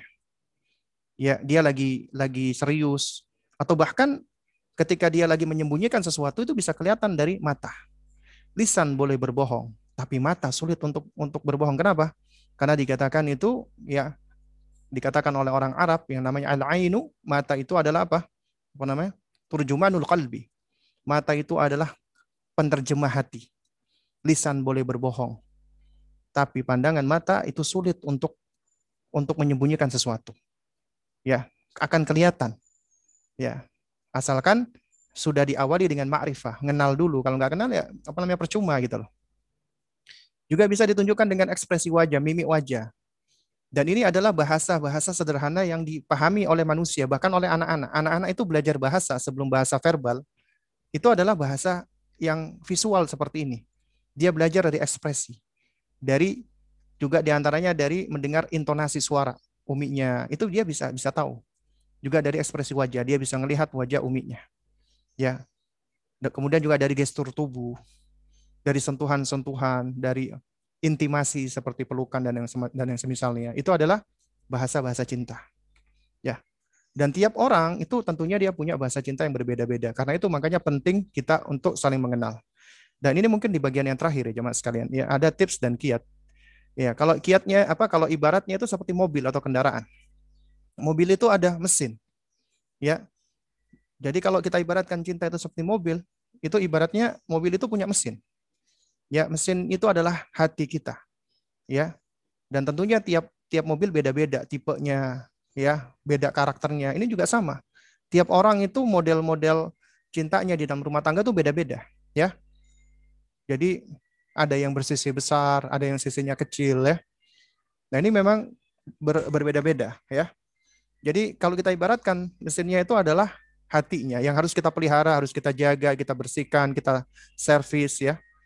Kemudian juga butuh bahan bakar supaya kendaraan ini bisa berjalan. Karena kalau nggak ada bahan bakarnya, berhenti. Dan motor penggerak, ya segala bentuk amalan, terutama ibadah dan amalan-amalan kebaikan lainnya, itu adalah mahabbatullah, cinta kepada Allah. Demikian pula al-hubbu, cinta lillah wa fillah wa billah wa ala amrillah. Cinta karena Allah, di jalan Allah, dengan pertolongan Allah, dan juga di atas perintah Allah. Ya, butuh bahan bakar yang selalu diisi. Ya, artinya kita butuh di sini hal-hal yang dapat ya senantiasa uh, mempertahankan atau menambah kecintaan kita kepada Allah. Apa itu? Ilmu. Al-Quran dan Sunnah. Artinya kita harus terus belajar. Di antara yang dapat melanggengkan cinta kita adalah ilmu. Karena semakin kita belajar, semakin kita menuntut ilmu, ya tentunya diawali dengan adab, maka ilmu itu akan bermanfaat. Kita akan semakin mengenal Allah, kita akan semakin mencintai Allah. Apabila kita semakin mencintai Allah, maka kita akan ya dimudahkan Allah untuk mencintai orang lain dan kecintaan itu kecintaan yang langgeng. Mobil juga punya wheel, roda yang akan selalu berputar, yang akan selalu yang yang berjalan ya. Nah, itu itu menunjukkan kita itu butuh adanya apa tafahum, saling memahami. Dan ini sesuatu yang paling sulit ya untuk saling memahami. Kenapa demikian? Karena ketika seseorang itu berumah tangga, dia akan bersama dengan orang yang asalnya dia tidak kenal, punya sifat yang beda, karakter yang beda, ya. Ini butuh yang namanya untuk bisa memahami, ya. Karena apa? Karena sering kali karena kita nggak paham dengan pasangan kita ya, itu mungkin masalah-masalah kebiasaan saja. Ya, ada istri itu yang begitu detail ya, misalnya tentang pakaian saja baju itu sudah disusun rapi sandal juga suami agak selebor misalnya taruh sandal sembarangan taruh sepatu sembarangan. Masalah-masalah kayak gini aja itu bisa menjadi sebab percekcokan berantem. Bahkan ujung-ujungnya sampai berpisah gara-gara masalah seperti ini. Kenapa? Karena tidak adanya tafahum. Itu saling memahami. Ya yang perlu kita pahami adalah ya pasangan kita itu adalah makhluk manusia. Mahadul khata wa nisan. Tempatnya salah dan lupa. Kita pun juga sama. Kita juga tempatnya salah, lupa dan alpa. Gak ada yang sempurna. Ya, oleh karena itu makanya di antara kunci agar kita bisa sama-sama saling uh, memiliki tafahum ini adalah apa? Adalah saling ya berusaha untuk memaklumi ya dan tidak terlalu berekspektasi dan menuntut pasangan kita sebagaimana yang kita inginkan. Ya. Jadi kita berikan uzur, kita berikan apa namanya pemakluman. Kita belajar untuk memberikan maaf, ya. Dan kalaupun seandainya kita ingatkan dengan cara baik-baik. Dan ini semua harus berangkat dengan cara trust, kepercayaan. Karena ini penting. Karena apabila uh, trust uh, kepercayaan itu hilang, maka akan muncul berbagai macam zon. Ya, apalagi wanita ini mohon maaf ya. Biasanya itu akan lebih mudah dimasuki dengan berbagai macam zon ya, prasangka-prasangka. Misalnya suami pulang sedikit sedikit lambat nggak kasih kabar langsung sudah. Pulang-pulang suaminya capek, wajahnya cemberut. Ah, jam berapa ini? Dari mana kamu mas? Ya, jadi istri, suaminya belum sempat ngomong, udah langsung dicecar dengan berbagai macam pertanyaan. Akhirnya apa? Konflik berantem. Gara-gara seperti ini gitu loh. Ya. Dan jamaah sekali muliakan Allah, ya. Itu kata salah seorang ulama, uh, saya lupa namanya ya, tapi nasihatnya luar biasa. Kata beliau, ya, di antara sebab ya seringnya terjadi percekcokan, seringnya terjadi konflik itu karena dua hal. Apa itu? Yang pertama adalah al-mafhum la yuqsad. Yang kedua adalah al-maqsud la yufham. Ini dua penyebab konflik dalam segala hal. Termasuk dalam rumah tangga ataupun di dalam persahabatan. Apa itu? Al-mafhum la yuqsad. Al-mafhum artinya sesuatu yang dipahami la yuqsad. Tidak sebagaimana tujuannya. Tidak sebagaimana maksudnya. Artinya, ketika seseorang itu berbicara, ya dia menyampaikan sesuatu ya sesuatu yang disampaikan ini itu dipahami tidak sebagaimana yang dimaksudkan oleh yang berbicara akhirnya terjadi misunderstanding. Atau yang kedua al maksud la yufham. Kalau tadi adalah al mafhum la yuqsad yang ini adalah al maksud la yufham la yufham. Al maksud berarti maksud ya yang dimaksudkan oleh orang yang berbicara itu tidak dipahami ya. Jadi tidak dipahami sebagaimana maksudnya. Ya, jadi akhirnya terjadi ya eh mohon maaf ya, yang tadi yang pertama ya yakni al maksud la yufham itu terjadi mispersepsi. Yang kedua ini terjadi misunderstanding. Ya, yang tadi itu salah persepsi, yang satu ini salah salah paham. Nah, kuncinya apa? Kuncinya adalah harus ya dengan dua hal ini. Apa itu? Tabayun atau tasabut. Ya, harus tabayun, tasabut. Artinya begini, kalau ada sesuatu perkataan ya yang itu perkataannya itu ternyata tidak dipahami sebagaimana maksudnya, maka kita harus tabayun dulu nih. Ya. Kita harus cari dulu penjelasannya. Atau yang kedua, istifsar. Ya kurang lebih sama maknanya, tapi bedanya istifsar itu kita minta penjelasan. Karena ketika kita mendapatkan ya suatu perkataan, ya tapi ternyata maksudnya tidak tidak sebagaimana yang dipahami, maka kita minta penjelasannya harus butuh istifsar. Dan ini semua kembalinya kepada zon, ya. Jadi apabila seseorang itu dia sudah membangun kepercayaan, trust ya dalam hal ini, maka dia akan berada di dalam bingkai husnuzon. Karena kita harus saling mempercayai gitu loh. Sementara laki-laki umumnya mereka itu sudah mendapatkan separuh dari rasa cinta ketika dia itu dipercaya.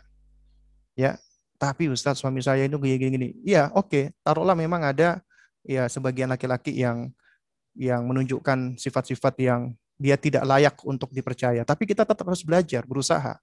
Karena inilah yang nanti akan ya apa namanya membentuk bukan artinya kita apa namanya percaya masa bodoh ya ya udah biarin aja dia bukan bukan seperti itu. Tapi dengan kita memberikan kepercayaan sebenarnya itu akan menjadikan sang suami itu merasa dihargai, merasa diakui, merasa dihormati. Ya. Makanya ini penting agar roda cinta itu tetap terus berjalan. Kemudian juga mobil itu ada bodinya, butuh fisik, butuh tampilan dalam bentuk respect, menghormati, atensi, perhatian dan intimasi. Ya, artinya ini ini suatu hal yang diperlukan. Ya, semakin baik respek Anda, atensi Anda, intimasi Anda, Anda sering misalnya di hadapan anak-anak juga boleh bagus. Anda sering bergandeng, memeluk, ya, mengecup itu boleh. Asal tidak sampai uh, ke hal-hal yang belum layak untuk anak-anak. Bahkan jangankan anak-anak, maksudnya yang tidak layak diperlihatkan kepada orang lain, ya. Jadi cukup hanya sekedar intimasi-intimasi umum. Kemudian tadi yang terakhir adalah butuh apa kemudi ya.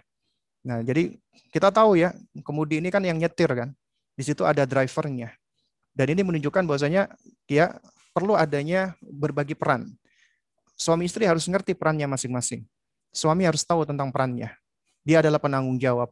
Kalau istilahnya atau ibaratnya dia adalah ya penentu destinasi, pembuat visi dan misi. Adapun istri adalah semacam apa namanya apa namanya apa namanya navigatornya yang membantu suami untuk bernavigasi agar bisa mencapai destinasi.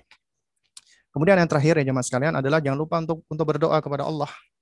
Di antara doa yang diajarkan oleh baginda Nabi yang mulia alaihissalam adalah Allahumma ini as'aluka hubbaka wa hubba man yuhibbuka. Ya Allah, aku mohon kepadamu rasa cintamu ya Allah dan cinta orang-orang yang mencintaimu. Jadi ternyata Inilah cinta, hakikat cinta yang kita diperintahkan atau kita dianjurkan untuk meminta. Kita meminta kepada Allah cinta Allah. Karena apabila Allah mencintai kita, itu segala bentuk kebaikan, ya, segala bentuk kebaikan itu akan bermuara kepada kita. Ya, wa hubbu man yuhibbuk.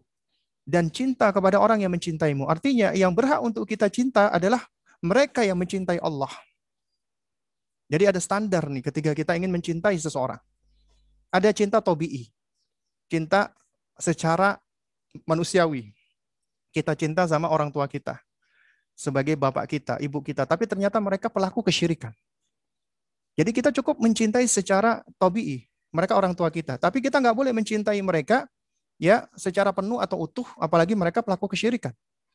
Nah, di antara bentuk konsekuensi cinta adalah kita harus menasehati. Nasihat itu konsekuensi daripada cinta. Ya, Nah, kalau kita ibaratkan tadi di kendaraan ataupun mobil, maka di situ butuh yang namanya tune up atau service dan yang semisalnya. Ya, itu di antaranya adalah munasoha, nasihat. Karena nasihat inilah yang akan membantu langgengnya cinta tadi. Karena konsekuensi daripada cinta itu harus ada nasihat. Tidaklah dikatakan seseorang itu mencintai saudaranya, temannya, pasangannya, ketika dia keliru, dibiarkan. Cinta itu harus diekspresikan, ditunjukkan dengan perhatian. Di antara bentuk perhatian kita adalah kita menginginkan kebaikan untuk orang yang kita cintai tadi. Di antaranya kalau dia keliru, kita luruskan, kita nasihati, tentunya dengan cara yang baik. Makanya kita memohon kepada Allah, Allahumma ini as'aluka hubbaka wa hubba man yuhibbuk. Dan cinta orang yang mencintai kamu, ya Allah. Yang mencintaimu, ya Allah. Karena hakikat daripada mencintai adalah mencintai Allah. Jangan berharap ya Anda itu akan mendapatkan cinta yang langgeng, yang tulus, yang benar dari orang-orang yang tidak mencintai Allah. Ketika Anda diuji oleh suami-suami yang nggak sholat, yang nggak melakukan ibadah dan dan semisalnya, maka memang ini ujian buat kita, kesabaran. Ya, kita butuh kesabaran menghadapi suami seperti ini. Karena itu makanya suami-suami yang seperti ini memang kalau mereka menyakiti kita, lebih banyak menzalimi kita, itu suatu hal yang memang ya suatu hal yang lazim. Kenapa? Karena dia tidak mencintai Allah. Sholat aja enggak. Dia mensyukuri nikmat Allah saja tidak dia tampakkan. Bagaimana dia akan mensyukuri atau mengapresiasi istrinya, pasangannya. Ya. Karena itu makanya inilah pentingnya kita dari awal harus mencari pasangan yang sejalan, searah, sevisi, semisi. Lihat agamanya, lihat akhlaknya, lihat dinnya. Itu yang paling penting. Kemudian juga wal wal apa namanya? Amalah alladhi yuballighuni hubbaka. Dan ya Allah, aku meminta kepadamu al-amal alladhi yuballighuni hubbaka. Amalan yang dapat mengantarkan aku menggapai cintamu. Masya Allah, diajarkan Nabi doa yang luar biasa. Kita mencinta, apa, meminta cintanya Allah, cintanya orang yang mencintai Allah, dan kita meminta kepada Allah agar kita bisa beramal, amalan kita itu bisa menghantarkan kita mendapatkan cinta Allah. Baru kemudian Allahumma ja'al hubbaka ahabba ilayya min nafsi. Ya Allah, jadikanlah kecintaanku kepadamu lebih aku cintai daripada kecintaanku kepada diriku. Nah, ini juga dalil. Artinya kita boleh mencintai diri kita, tapi tentunya setelah kita mencintai Allah. Karena apabila kita mencintai Allah, seseorang yang mencintai Allah, dia itu akan mengapresiasi dirinya sebagai makhluk ciptaan Allah yang Allah ciptakan dengan begitu luar biasanya. Akan membuahkan rasa syukur kepada Allah dan juga tawadhu. Karena dia sadar dirinya lemah, makhluk ciptaan Allah. Ya, Allahumma ja'al hubbaka habba ilayya min nafsi. Ya Allah, jadikanlah ya kecintaanku kepadamu lebih aku cintai daripada cintaku kepada diriku wa ahli dan juga kepada keluargaku, kepada istriku atau kepada anak-anakku. Ya, wa minal ma'il barid dan juga dari air yang sejuk. Air yang dapat menghilangkan dahaga. Nah, jadi inilah jamaah sekalian muliakan Allah ya adalah uh, sebagian dari poin-poin yang bisa saya sampaikan tentang bagaimana melanggengkan rasa cinta. Mungkin ya kalau ada di antara Anda kok lebih banyak ke arah konsep, mana ini uh, tips-tipsnya atau mana uh, apa namanya kiat-kiatnya yang sifatnya praktikal. Sebenarnya kiat-kiat praktikal itu bisa kita kembangkan ketika kita sudah memahami konsep yang seperti ini. Karena apabila seseorang dia memahami kaidah, maka akan lebih mudah baginya untuk mengembangkan kaidah tadi di dalam bentuk praktis. Tapi kalau orang itu mempelajari praktikal, praktis ya praktikal, padahal yang namanya praktikal, suatu hal yang praktis, tanpa diawali dengan kaidah, kaidah itu merupakan pijakan awal, ya, dia hanya mempelajari apa namanya uh, yang praktis. Itu sering kali kadang-kadang hal-hal yang praktikal ini ya mungkin efektif untuk suatu kondisi tapi tidak tidak efektif di kondisi yang lain. Mungkin efektif untuk uh, orang tertentu tapi tidak efektif untuk orang yang lain. Karena itu makanya yang yang yang paling penting sebenarnya itu adalah adalah apa kaidah. Kita memahami kaidah, baru kemudian kita bisa belajar untuk bagaimana kita bisa uh, merefleksikan kaidah tadi di dalam bentuk amalan. Ya Allah taala alam Ya mungkin ini yang dapat saya sampaikan. Ya untuk berikutnya saya serahkan kepada pembacara kita mungkin ada pertanyaan-pertanyaan yang bisa saya jawab akan saya jawab tapi yang nggak bisa ya harap dimaklumi. Baik. Nah, jazakallah khair Ustaz. Uh, berarti boleh kita buka sesi tanya jawab ya Ustaz ya? Iya. Silakan. Mungkin untuk ayah dan ibu kalau yang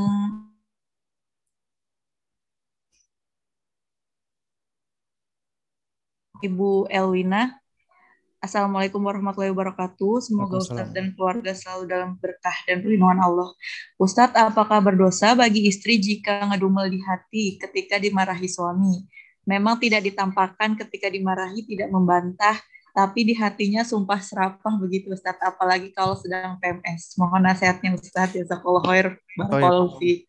Toyib, wa jazakillah khair wa barakallahu fiik. Nah, jamaah sekalian, di antara kebaikan Allah Subhanahu wa taala ya, itu betapa Rob kita itu begitu maha baik ya. Adalah ketika seseorang dia itu berniat sesuatu ya. Niat kebaikan, kemudian kebaikan itu belum sempat dia praktekkan, dia sudah mendapatkan satu pahala. Sebaliknya ketika seseorang dia berniat jelek, kemudian tidak dia praktekkan niat jelek itu, maka dia tidak mendapatkan dosa. Jadi yang di yang dilihat itu adalah apa? Yang dilihat itu adalah uh, amalannya. Karena yang dihisap itu adalah amal. Jadi bukan sekedar niatan-niatan di dalam hati. Karena itu ya, misalnya kita ini jengkel. Namanya orang jengkel. Ya, perasaan marah, dongkol, itu sesuatu yang nggak bisa kita hindari gitu loh. Ya, itu sesuatu yang tiba-tiba muncul. Misalnya kita lagi diomelin, kita lagi dicibir, ini suatu hal yang kita nggak bisa pungkiri. Ini kita sering kali kadang-kadang kesel gitu loh bahkan mungkin dengan orang tua kita yang tiba-tiba ngomelin kita, marah-marah dengan kita, gitu kita merasa nggak salah, kemudian kita diomelin, dimarahin, kita kesel nih. Nah, tapi yang akan dihisap oleh Allah adalah amalan kita. Kalau kita kesel, kemudian kita langsung mengekspresikan dalam perbuatan, kita bentak balik, kita marah balik, kita berujar dengan perkataan yang buruk, maka itu yang akan dihisap. Dan itu menjadi dosa bagi kita. Tapi kalau kita misalnya udah kesel, jengkel, ya, kemudian kita mampu menahannya, maka alih-alih kita mendapatkan dosa, malah kita insya Allah mendapatkan pahala dari Allah Subhanahu wa taala. Kenapa? Itu artinya kita mampu untuk apa? Menahan amarah, ya. Kita mampu untuk apa? Untuk menahan uh, apa nah, kedongkolan kita gitu loh. Ya. Itu di antara surat Ali Imran ya, ayat ke-134. Ketika Allah Subhanahu wa taala sebelumnya berfirman, "Wasari'u ila magfirati min rabbikum wa jannatin arduha as-samawati wal ardu uiddat lil muttaqin." Kata Allah Subhanahu wa taala, "Wasari'u", ya hendaknya kalian bersegera, ya. Bercepat-cepatlah ila magfirati min rabbikum untuk mencari ampunan dari Rabbmu ya wajannatin dan juga surga ya yang mana surga itu kata Allah Subhanahu wa taala arduhas samawati wal ardu yang luasnya seluas langit dan bumi uiddat lil muttaqin disediakan bagi orang-orang yang bertakwa. Siapa orang-orang yang bertakwa? Nah, ini Allah terangkan nih. Perhatikan alladzina yunfiquna fis sarra'i. Orang-orang yang bertakwa adalah mereka yang berinfak di saat lapang maupun sempit ketika lagi ada duit berinfak, ketika nggak ada duit, masya Allah tetap berinfak dia, ya, dia tetap berinfak di waktu lapang maupun sempit, di waktu dia banyak duit ataupun di waktu dia susah, dia tetap berinfak. Ini ciri-ciri orang bertakwa yang Allah janjikan surga baginya. Kemudian yang kedua apa? Wal kadhiminal ghaid. Ya. Itu al-kadhim lil ghaid artinya adalah orang yang mampu menahan amarah mampu menahan emosinya. Ketika dia lagi marah, emosinya itu bergejolak di hati, dia mampu menahannya.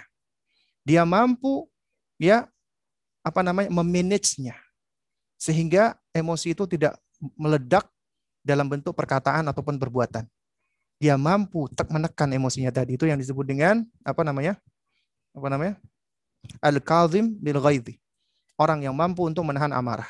Dan ini cirinya orang bertakwa. Kemudian wal afina 'anin nas dan orang-orang yang mau memaafkan orang lain. Dia pemaaf. Wallahu yuhibbul muhsinin dan Allah mencintai orang-orang yang muhsin, orang-orang yang berbuat ihsan. Jadi ini juga termasuk perbuatan ihsan. Artinya ketika Anda diomelin istri, apalagi Anda lagi PMS nih, Masya Allah lagi uh, capek habis ngurus anak, kemudian suami tiba-tiba datang ngomel-ngomel, mana makanan kok nggak ada. Kita diperlakukan dengan keburukan. Tapi kita tahu ya bahwasanya ketika kita ini ya eh, menahan eh, menahan amarah kita karena Allah Allah Subhanahu wa taala akan balas dengan pahala. Itu termasuk cirinya orang-orang yang bertakwa. Wallahu taala alam. Nah, jazakallah Ustaz. Semoga terjawab ya, Bu. Kemudian satu pertanyaan lagi mungkin ya Ustaz boleh ya? Oh iya, silakan silakan. Lewat chat uh, tadi dikatakan untuk bersabar dengan pasangan sekalipun yang bersangkutan tidak sesuai dengan valu kita. Contoh, tidak sholat, tidak bertanggung jawab. Adakah batasan sampai kapan kita bertahan jika pasangan tidak berubah, tidak berubah juga, terutama jika berkaitan dengan agama? Baik, yang perlu kita pahami bersama adalah ya seperti ini ya. Wanita itu memiliki hak yang harus ditunaikan oleh suaminya. Demikian pula suami punya hak yang harus ditunaikan oleh istrinya. Dan manakala seorang istri misalnya dia memiliki hak-hak yang harus ditunaikan suaminya tapi suaminya tidak menunaikannya, maka diperbolehkan bagi seorang istri untuk menuntutnya kepada suami. Di dunia apalagi tentunya di akhirat dia sesuatu yang paling menakutkan untuk kita. Karena istri punya hak nih. Jadi ada hak-hak yang diakui di dalam agama kita. Misalnya contoh adalah haknya istri dalam hal diniyah tentunya. Agama. Ini adalah yang pertama kali yang penting harus harus terjaga. Contoh ada suami melarang istrinya untuk beribadah misalnya. Melarang istrinya untuk sholat. Yang wajib loh ya, bukan bukan yang sunnah. Melarang istrinya untuk berpuasa. Atau uh, suaminya nggak suka ketika istrinya itu beribadah kepada Allah. Nggak suka istrinya baca Quran, nggak suka istrinya intinya beribadah. Maka dihalang-halangi istrinya untuk menunaikan haknya dia dalam hal agama. Maka dalam hal ini bukan saja boleh dia dia menuntut pisah dari suaminya, bahkan dianjurkan. Kenapa? Dalam rangka untuk melindungi agamanya. Ya apabila dia mendapatkan suami seperti ini. Juga demikian misalnya suami ini udah nggak pernah sholat, malah banyak melakukan kesyirikan, kekufuran, dan itu bisa mempengaruhi kita dan anak-anak kita, maka jika kita khawatir akan agama kita, boleh kita menjauh darinya. Bahkan apabila suami sudah jatuh kepada kekufuran atau kesyirikan yang terang, yang nyata, yang sore, yang wadih, ya, yang yang sudah tidak bisa lagi diberikan udur, maka artinya pernikahan itu sudah sudah apa fasakh, suami yang nggak pernah sholat sama sekali. Itu memang ada khilaf di antara para, ulama. Tapi yang rojih ketika dia nggak pernah sama sekali sholat, maka dia sudah tidak menjadi muslim lagi. Dia sudah menjadi orang yang kafir. Karena Nabi SAW bersabda, ya al-ahdu bainana wa bainahum as-salat. Faman tarakaha faqad kafar. Yang membedakan kita dengan mereka, orang-orang kafir, adalah sholat. Siapa yang meninggalkan sholat, dia telah kafir. Bahkan ini madhabnya para sahabat Nabi. Orang yang meninggalkan sholat karena malas, ya, apalagi dia meninggalkan sholatnya itu dalam dalam apa dalam kesehariannya, bukan muslim lagi. Makanya menurut madhabnya Imam Ahmad bin Hambal pernikahannya fasakh. Atau orang yang dia melakukan kesyirikan, kesyirikan-syirikan besar, syirkul akbar misalnya. Dia jelas-jelas ya syirkul akbar. Minta-minta kepada mayit, minta-minta kepada orang mati, minta-minta kepada jin, minta-minta kepada orang-orang yang telah meninggal dunia ya.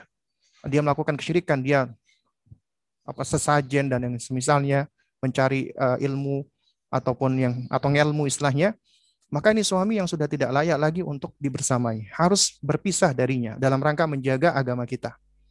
Atau yang kedua, ya, istri yang tidak mendapatkan hak dalam hal akliyah, akalnya dia. Ya, dalam hal istri itu berhak ini terjaga secara akal. Di antaranya dia harus diberikan kesempatan untuk belajar, menuntut ilmu. Itu itu kewajiban suami sebenarnya untuk mengajari. Tapi suaminya nggak ngajar, istrinya nggak boleh belajar. Menuntut ilmu nggak diperbolehkan. Datang kajian nggak diperbolehkan.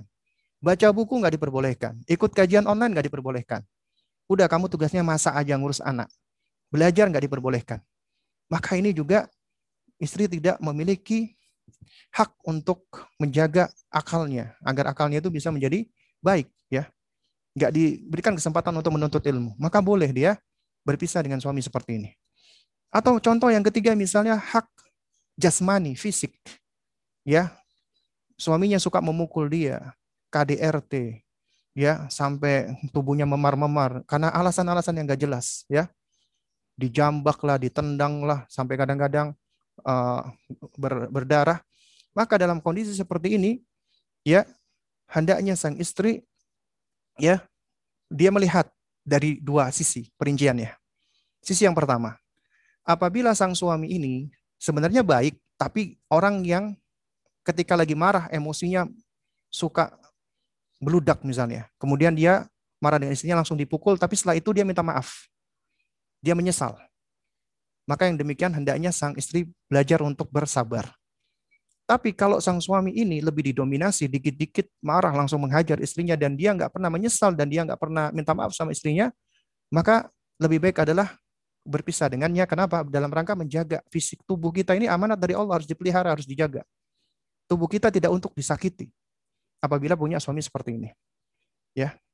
Kemudian juga boleh misalnya dalam hak mal, harta. Suami udah nggak memberi nafkah. Istri kerja, duitnya malah diambil malah dirampas, dicuri, dipaksa, diminta. Suami hobinya cuma menghabis-ngabisin uang. Ya. Dan kemudian dia nggak menjalankan tugasnya sebagai suami untuk memberikan nafkah. Padahal sebenarnya ya, suami tidak memberikan nafkah saja, itu istri juga boleh diperbolehkan untuk menuntut pisah dari suami seperti ini. Apalagi udah nggak kerja, ngambil hartanya istri. Ha, apa namanya? Harta hasil kerjanya istri, itu milik istri. Nggak boleh diambil harta hasil kerjanya suami, di situ ada haknya istri yang harus dia nafkahkan. Ya.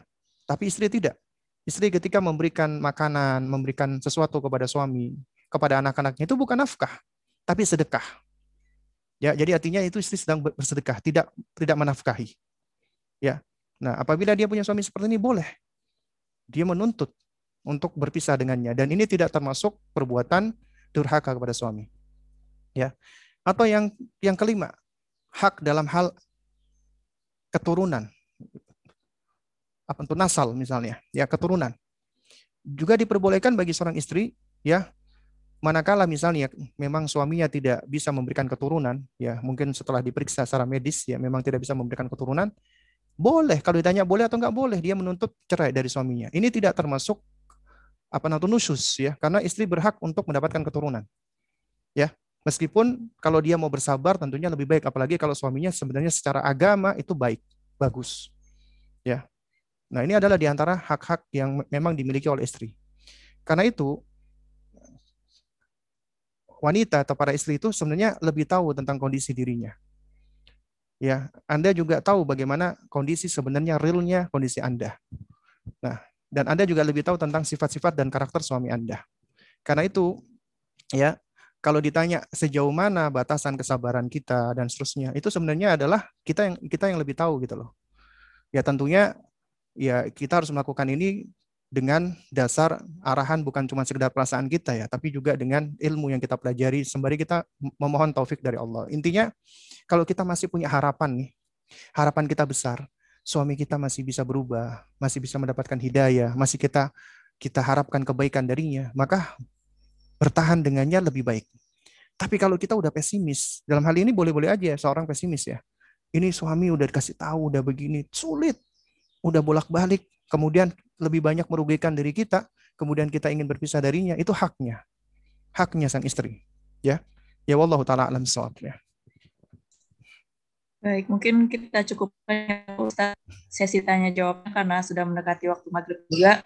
Oh, baik, uh, baik. Mohon maaf uh, untuk pertanyaan yang belum bisa disampaikan. Uh, mungkin Ustadz mau memberikan sedikit kesimpulan, Ustadz. Uh, baik, jamaah sekalian mulakan Allah Subhanahu Wa Taala ya. Ya jadi uh, ketika kita bicara tentang bagaimana uh, supaya cinta kita itu langgeng ya. Jadi kuncinya sebenarnya adalah ya mahabbatullah. Itu pondasi cinta kepada Allah. Jangan sampai ketika kita ini mencintai seseorang ya itu berangkat hanya sekedar dari cinta-cinta tobi atau bahkan cinta-cinta yang sudah dimasuki oleh syahwat ataupun sudah dimasuki oleh syaitan. Karena memang macam-macam ya. Bahkan karena eh, bahkan cinta itu ada yang sampai bisa menyebabkan seseorang itu menjadi binasa, jatuh kepada kesyirikan. Tapi apabila cinta itu karena Allah, di jalan Allah, sembari terus minta pertolongan Allah dan di atas perintah Allah, itulah cinta yang akan melanggengkan langgeng di dunia hingga di akhirat. Allah pertemukan di dalam surganya. Itulah cinta yang paling langgeng. Karena sejatinya ketika kita berkeluarga, ya itu perhimpunan kita di dunia itu hanya sementara. Kelak salah satu di antara kita akan ada yang meninggal dunia duluan atau bahkan mungkin ya mungkin ada yang harus berpisah ya tapi apabila seseorang dia itu membangun cintanya karena Allah di jalan Allah untuk Allah di atas perintah Allah dengan pertolongan Allah, maka insya Allah Ta'ala ketika dia berhimpun dengan atas cinta ini, itu Allah himpunkan kembali dia di surga. Dan itulah perhimpunan yang sejati. Allah Ta'ala alam sawab. Mungkin ini yang bisa saya sampaikan. Kurang lebihnya saya mohon maaf apabila ada hal-hal yang kurang berkenan. Ya, ya kita tutup dengan doa kafaratul majlis ya. Subhanakallahumma wa bihamdika asyhadu an la ilaha illa anta astaghfiruka wa atubu ilaik. Baik, Alhamdulillah kelas keluarga kita hari ini telah selesai. Jazakallah khair Ustadz. Semoga Ustadz dan keluarga selalu diberikan kesehatan oleh Allah Subhanahu wa taala. Baik, sekian dari saya dan Rumah Kucil. Semoga kelas ini membawa manfaat dan berkah bagi kita semua. Apabila ada yang salah dan kurang, saya mewakili Rumah Kucil memohon maaf. Eh, sampai jumpa di kelas ber di kelas keluarga selanjutnya. Assalamualaikum warahmatullahi wabarakatuh.